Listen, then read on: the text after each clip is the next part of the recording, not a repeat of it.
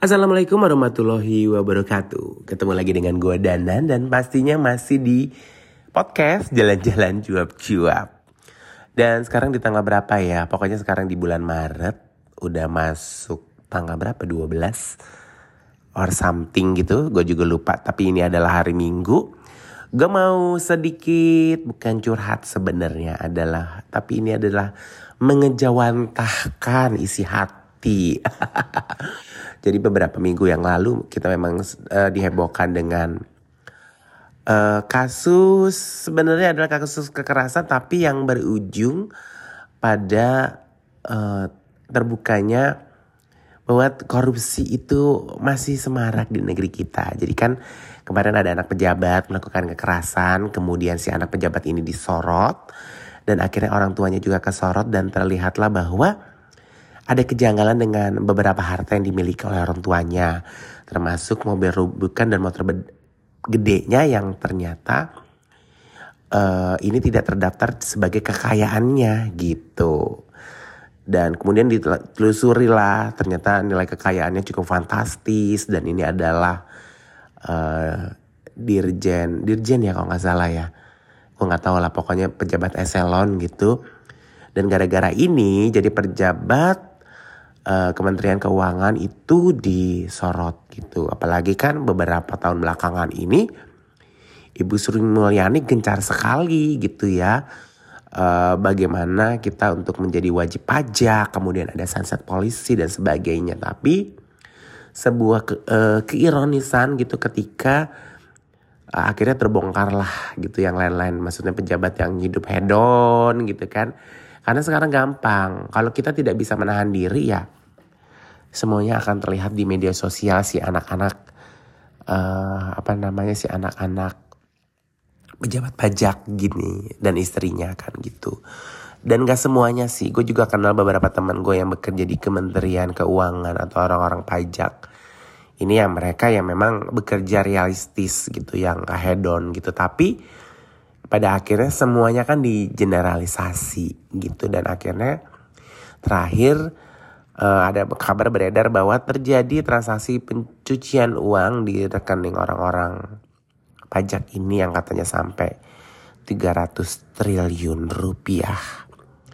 It's fantastis itu. Ini adalah sebuah keironisan setelah berapa tahun dari tahun 97 atau di 98 bahwa kita reformasi anti KKN uh, korupsi, kolusi dan nepotisme.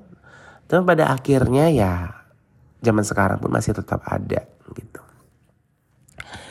Dan gue kan memang gini, gue mau cerita ke ke diri gue sendiri aja bahwa bersyukur gue punya keluarga yang menanamkan nilai-nilai yang baik ya di keluarga gue gitu. Jadi orang tua gue ya kita memang tidak pernah dibilang uh, lu jangan korupsi, lu jangan kolusi, lu jangan nepotisme, tapi tetaplah menjadi orang baik dan hidup secara bertanggung jawab gitu. Itu akhirnya yang mendasari pikiran gue.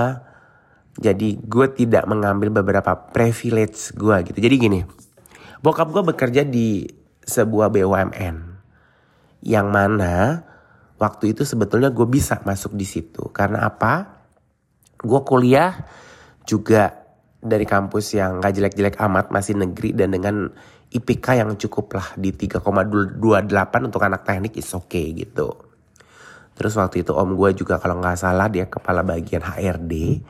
Tapi gue tidak mengambil kesempatan untuk mendaftar aja gue nggak gitu karena gue tahu kalau gue bekerja di situ gue nggak akan punya identitas. Sebagus apa pun gue bekerja, orang pasti melihatnya gue dapat posisi itu gue masuk situ karena gue punya koneksi gitu. Dan karena memang di era waktu gue itu memang kan anti KKN tetapi tetap ada privilege untuk anak-anak karyawan. Contoh jadi adalah teman gue itu satu kampus sih karena kan kebanyakan yang diterima juga teman-teman di kampus gue banyak teman-teman yang diterima di situ gitu. Jadi kalau nggak salah di uh, di di apa namanya di tes terakhir kesehatan ada masalah tulangnya bengkok gitu. Tapi itu dimaklumi karena ya dia punya orang dalam kemudian juga nilainya bagus dan sebagainya. Tapi kalau menurut gue pribadi harusnya tidak ya karena uh, untuk pekerjaan lapangan engineer lah di lapangan di apa harusnya yang mempunyai catatan medis yang bagus. Tetapi ya ya selamat datang lagi Anda di Indonesia namanya KKN tidak akan bisa hilang gitu. Dan ketika gue memutuskan untuk mencari kehidupan sendiri dalam tanda kutip ya gue berusaha melamar bekerja di sektor swasta ya gue berharap gue punya sebuah identitas gitu. Karena ada satu kejadian yang sebenarnya kayak menampar gue juga gitu. Jadi gue dulu orangnya naif banget. Gue pikir tuh KKN tuh tidak sejahanam itu gitu. Kemudian juga ah ya sudah hilang lah. Karena kan di 98 sudah direformasi pak gitu ya. Nah jadi di ketika gue kuliah selesai kuliah di 2000-an gitu gue sempat bekerja di sebuah internet service provider. Yang mana tugas gue adalah waktu itu mendesain web untuk beberapa klien gue gitu. Nah gue dapat sempat dapat nih satu uh, sebuah uh, seorang klien tuh dari dinas lah gue nggak mau sebut dinasnya apa dan provinsinya mana. Jadi waktu itu mereka datang ke gue Waktu itu untuk websitenya itu harganya sekitar di 5 juta. Kemudian dia datang ke gua, e, tolong nggak bisa dibantu karena sebenarnya gini, uh, dia nggak hanya untuk bikin website, tapi waktu itu kan internet juga baru mulai ya dan banyak orang belum bisa internet at least buat email dan browsing aja juga masih bingung. Jadi tolong bikinin uh, pelatihan internet untuk pemula untuk uh, untuk pegawai-pegawainya dia, anak buahnya dia, tolong bikin pelatihannya gitu dengan budget yang murah lah dia bilang gitu ke gue dong gitu. Dibilangnya budgetnya cuman waktu itu cuman 5 juta lah kalau nggak salah gitu. Jadi nggak dengan budget segitu akhirnya gue bikin lah pelatihan murah. Uh, eh, gue cari tempat sewa lab komputer sendiri, kemudian gue yang mentor, gue yang bikin modul, sampai untuk beli-beli snacknya tuh gue cari yang yang oke okay, tapi harganya murah gitu ya gue cari hunting semua lah pokoknya gue udah kayak io provider training lah gitu. Akhirnya berlangsung lah trainingnya dua hari dan itu sukses gitu oke. Okay. nah ternyata yang bikin gue sesek ternyata budgetnya untuk event itu itu jadi 80 juta dan dibayar cuman gue ke 5 juta. Dari situ gue berpikir bahwa oh ternyata uh, begini nih mainnya gue bilang gitu kan. Gue tuh masih sangat-sangat lugu dan polos lah gitu sempet juga pada akhir. Gue tau kenapa karena teman gue kan ada orang marketing. Dan dan akhirnya suruh bikin kwitansi kayak ya di markup lah gitu. Dan juga gue juga sempat beberapa punya klien yang gue bilang sih perusahaannya BUMN lah juga. Itu nggak dibayar-bayar gue sempet dan akhirnya gue dibayar ketika websitenya gue bikin down. Hal, -hal kayak gitu yang akhirnya uh, menyadarkan gue bahwa di luar sana itu nggak semua orang baik gitu ya. Walaupun nilai-nilai yang ditanamkan orang tua gue tuh tetaplah menjadi orang baik jujur gitu dan bertanggung jawab. Oke. Okay. itu yang salah satu trigger gue yang pada akhirnya ketika teman-teman gue mendaftarkan diri ke BUMN gue nggak mau gitu karena gue tahu lah apa yang terjadi ya gitu dan bokap gue akhirnya juga cerita. Jadi ya bokap tuh memang bukan yang pegawai tinggi di BUMN tapi gue pikir dia termasuk orang yang lurus lah gitu karena gara-gara kelurusan yang di diri dia ini yang cerita nyokap ya kalau bokap tuh nggak pernah cerita sih dia sempat nggak naik berkala bertahun-tahun lah karena nggak mau ikut arus. Jadi waktu itu ada program petani inti rakyat yang intinya adalah gini, tanah kehutanan dibuka, kemudian dikapling-kaplingin. Nah ini nanti dijadikan program petani inti rakyat. Jadi ya, siapa pun petani yang mau ambil itu dikasih jatah berapa hektar gitu. Dan nanti ditanami sawit dan nanti hasil sawitnya ini dijual lah ke perusahaan BUMN gitu dan mereka kayak mencicil tanah itu. Nah, waktu itu yang membuka dan bikin petanya bokap gua. Juru kuarnya. Nah, diperintahkan sama orang pertanahan. Pokoknya orang pertanahan tuh kerja sama sama bosnya. Ini tanah dikentit lah gitu. Mamanya eh, luasnya se 2 hektar gitu. Dia udah dibikin aja 1800 nanti di suratnya jadi 2 hektar gitu. Ya bokap gue nggak mau dong. Karena apa? Itu hubungannya dengan produksi. Kalau dimensinya kurang, artinya media tanam si sawit ini kan berkurang, produksi juga berkurang dan orang ini akan ber, makin berat untuk uh, membayar tanah ini melalui hasil produksi mereka. Jadi bokap gue nggak mau dan gara-gara itu akhirnya bokap gue itu kayak di nggak sukain lah sama bosnya dan sempat beberapa tahun tidak mendapat kenaikan uh, berkala jabatan gitu. Nah udah bukan jabatan ya berkala ya. Nah dan akhirnya ini berlanjut ketika bos ini udah berhenti. Kemudian dia ngomong ke bos baru. Nih si ini gak asik gitu. Tapi tanpa ngomongin. Pokoknya udah di a priori sampai beberapa ganti bos itu bokap gue terlihatnya jelek gitu. Karena kalau bokap gue yang penting pekerjaan di lapangan beres. Kalau beres dia akan pulang ke rumah gitu. Dan dia gak akan bukan tipikal orang yang bisa gaul nongkrong mingle atau dengan dengan teman-temannya dan bos-bos itu gitu. Nah akhirnya pada akhirnya memang yang mengklarifikasi ini hebatnya ya itu nyokap karena akhirnya kami kami pindah di komplek yang itu di lingkungan kantor direksi yang walaupun karyawan bawahan nyokap gua itu pengajian dengan si bos-bos ini sampai istri direksi dan itu punya akses buat menyampaikan kebenaran itu setelah let's say mungkin 10 atau 15 tahun gitu dan ini sebuah kata gue memang uh, emang gue salut sama nyokap gitu. Nah, jadi kita memang banyak dapat privilege ya tinggal di kantor direksi ini, kenal dengan orang-orang atas.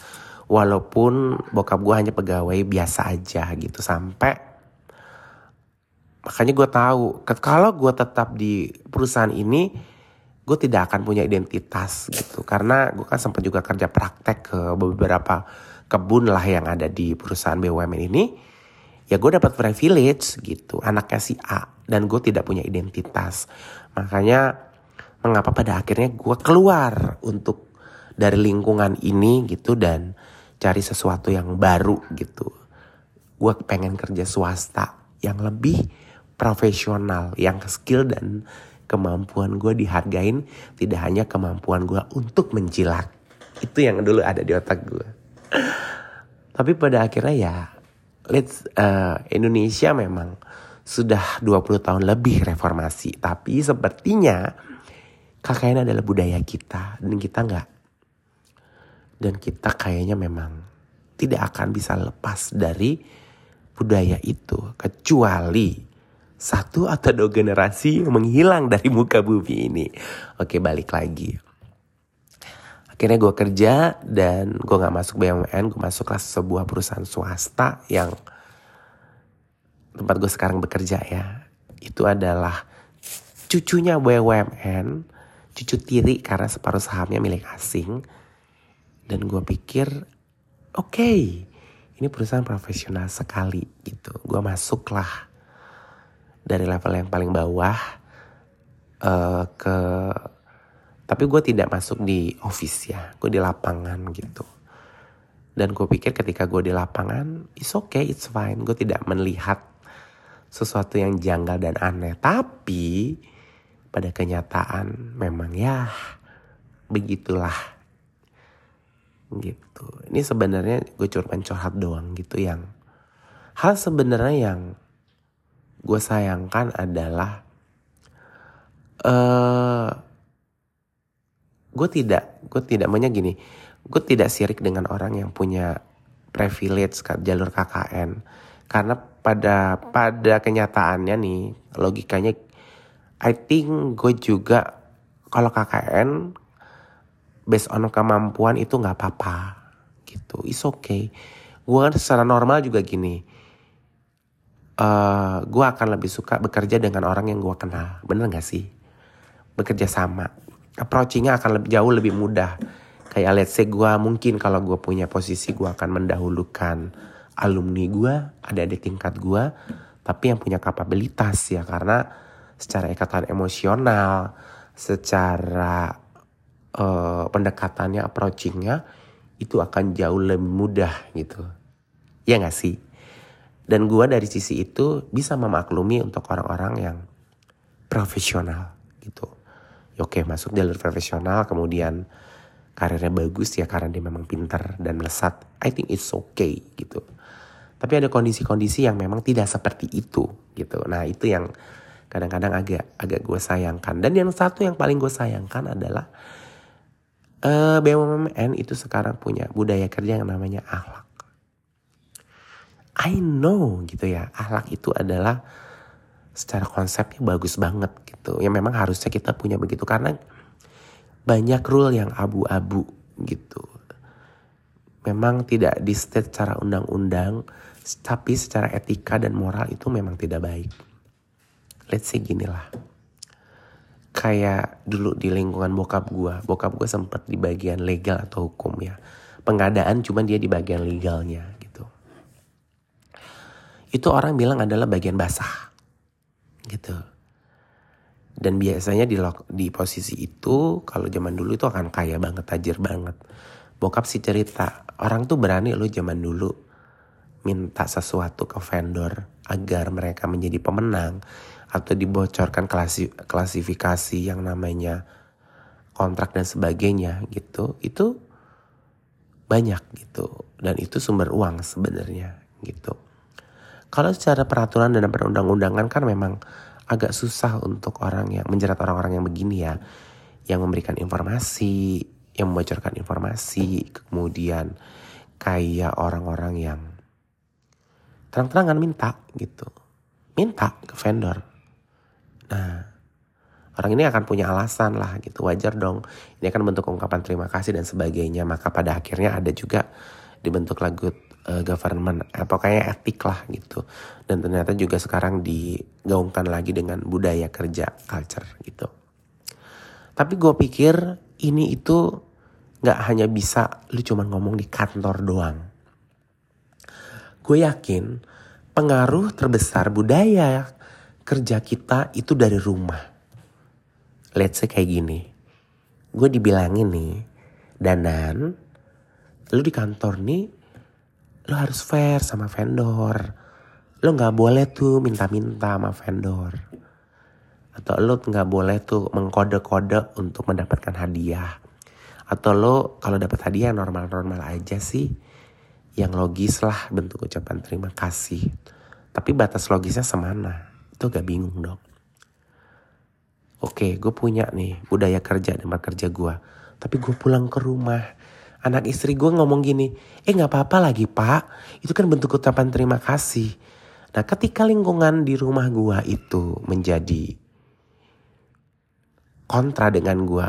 Secara hati gue akan berubah dong dan nanti ketika gue akan membawa ke kantor lagi, gue tidak menjadi orang yang 100% yang loyal dengan akhlak. Bener gak sih? Gitu. Itu yang dinamain adalah.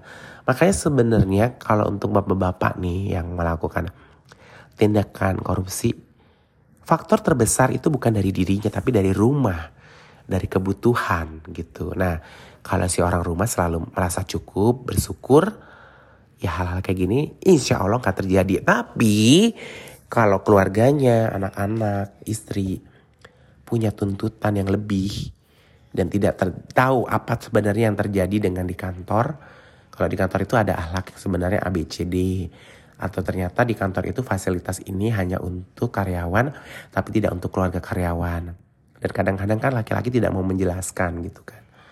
Nah itu akan menjadi sebuah kontra yang lagi-lagi budaya yang udah dibangun di kantor itu menguap gitu. Walaupun diingatkan setiap minggu, tapi secara spirit dan secara alam bawah sadar itu gak akan masuk ke dalam otak. Makanya gue selalu bilang, budayanya tidak hanya dimulai di kantor, tapi di rumah.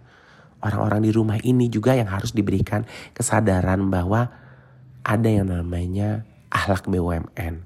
Sebagai keluarga besar BUMN, bukan keluarga tiri ya. Kalau kita keluarga tiri. itu memang lo harus punya pola seperti ini. Dan ini kejadian toh dengan teman-teman di Kementerian Keuangan. Ketika mungkin Bri Sri Mulyani bilang oke, okay, ayo wahai keluarga pajak, kita harus menjadi orang yang jujur, anti kolusi, korupsi dan nepotisme. Gitu ya tidak boleh hidup glamor hidup sesuai dengan kemampuan gitu. Tapi nyatanya ya pegawainya lurus ternyata keluarganya yang belok. Nah begitu juga dengan ahlak BUMN di mana sebenarnya ini harus dimulainya dari rumah gitu. Itu sebenarnya. Gue sekejar curhat aja ya bukan gue mau menjelekkan siapa pun tapi lah itu yang terlihat lah di mata gue gitu dengan apa yang terjadi saat ini gitu. Jadi please pemangku kebijakan ataupun mereka yang jago banget beretorika soal akhlak, moral dan sebagainya, please jadikanlah program ini tidak hanya ke karyawan tapi ke keluarga karyawan. Biar apa? Biar impactnya itu lebih terasa gitu.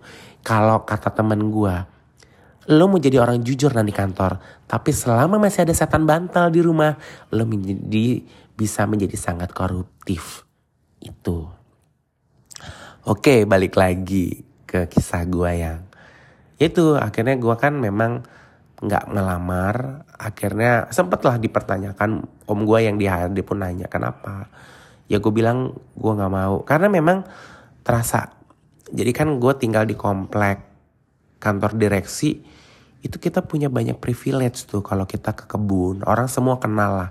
Gue dandan anaknya pak siapa gitu. Dan itu sangat sangat tidak baik kalau gue tiba-tiba bekerja di situ kemudian masuk dan gue mendapatkan privilege privilege itu gitu biarkanlah gue tetap menjadi orang biasa dan tetap rendah hati balik lagi ya ke masalah yang uh, sebenarnya kan susah juga menanamkan. Ini kan sebenarnya kalau kita menjadi orang jujur itu sebuah value.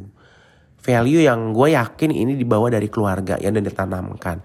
Jadi sorry itu saya buat mungkin yang di keluarga. Karena banyak hal-hal yang gue sama temen gue lah atau apa yang bertentangan tentang masalah value-value ini. Mamanya ada yang bilang kalau dikasih vendor tuh nggak apa-apa. Kalau gue nggak, nggak bisa gitu karena itu nggak masuk di di keluarga gue dan di otak gue yang ditanamkan bokap gue itu adalah barang haram kalau yang begitu ya gitu nah itu kalau di orang lain ya mungkin nggak apa-apa nan. Yang penting kan orangnya ikhlas kita nggak minta. Ya nggak bisa lah gitu. Itu hal, yang kayak gitu. Nah value-value ini ternyata yang memang pada akhirnya kalau lo nanti udah tidak bekerja itu akan terasa. Let's say kayak gini. Orang-orang yang terlahir dari privilege, dari koneksi network gitu kan tetap pada akhirnya akan membentuk sebuah koloni. Berkelompok lah ya bergerombol. Geng A geng B berpolitis itu sudah tidak bisa dipungkiri lagi gitu. Karena mereka memang akan tetap ingin berada di posisinya. Dan mereka akan tetap melakukan apa pun untuk tetap eksis dan punya kesempatan bermateri. Gue gak usah ngomong sampirannya ya. At least orang-orang begini akan menjadi post power syndrome. Dan itu ketika dia berada di posisi tidak berkuasa, itu akan sangat-sangat down. Karena apa? Orang respect dengan dia. Itu karena uh, posisinya dia. Bukan karena value-nya dia. Bukan karena dia orang jujur, orang baik gitu ya orang yang teguh memegang prinsip karena itu terjadi sama bokap gue oke mungkin bokap gue secara karir nggak bagus melesat dan sebagainya tapi bokap gue adalah orang yang punya value ketika pensiun orang tetap menghargainya sebagai ya si Pak A yang baik yang jujur yang berintegritas yang punya value beda umpamanya dengan Pak B yang oh dia punya pejabat gitu dia otoriter gitu tapi tiba-tiba kehilangan jabatannya orang tidak akan respect lah ke dia. Itu nanti kita lihat lah ya gitu. Gue sih belajar dari itu makanya gue tetap akan uh, tetap akan berusaha untuk menjadi orang baik dan orang jujur. Gitu. Itu karena itu memang tidak mudah ya. Gitu. Di tengah uh, derasnya harus kompetisi gitu ya kehidupan yang juga makin berat gitu. Tapi tetaplah menjadi orang baik dan orang jujur. Gue juga dulu tuh sempat gini sih. Eh kenapa sih? Karena gue ngelihat jujur orang ngelihat teman-teman gue yang ditanamkan dengan si orang tua lo lo jadi orang kaya lo jadi orang kaya. Ya jadi orang kaya beneran gitu. Nah kita tuh nggak ada tuh yang nah kamu jadi enggak nah kamu jadi mak gue tuh cuma gini nah kamu jadi orang baik aja. Kamu jadi orang baik dan bertanggung jawab dengan kehidupanmu. That's all gitu. Tapi makin tua gue makin bersyukur dengan nilai-nilai yang ditanamkan. Hidup tuh lebih tenang bro gitu. Lo nggak maksudnya nggak mikir yang aneh-aneh gitu kan gitu. Dan gue juga ngeliat bokap gue ketika pensiun juga tetap mempunyai value. Orang juga baik sama dia gitu. Walaupun mungkin kita tidak bergelimang harta. Orang kan akan ngelihat wah pensiunan BUMN ini pasti tajir melintir. Nggak juga gitu kan? Gitu ya. Jadi ya untuk kamu mungkin cobalah merenung saat ini uh, apakah di keluarga kamu atau di circle kamu mengaminkan aktivitas KKN sekecil apa pun gitu gitu andai keluarga kamu istri kamu anak kamu yang mungkin kayak iya ya mereka tuh kayak nuntut gue buat lebih dan akhirnya kok gue jadi kayak bersikap curang culas atau apa pun di tempat kerja nah itu mesti kita renungkan dalam-dalam gitu. Ya pilihan sih kata emak gue hidup mau jadi apa pun itu pilihan. Tapi ya udahlah hidup jadi orang baik aja susah masa mau jadi orang jahat gitu. Ya terima kasih ya udah dengerin curhat aku. Semoga ini bermanfaat. Suara gue ada agak bindeng sorry agak flu. Dan akhir kata wassalamualaikum warahmatullahi wabarakatuh.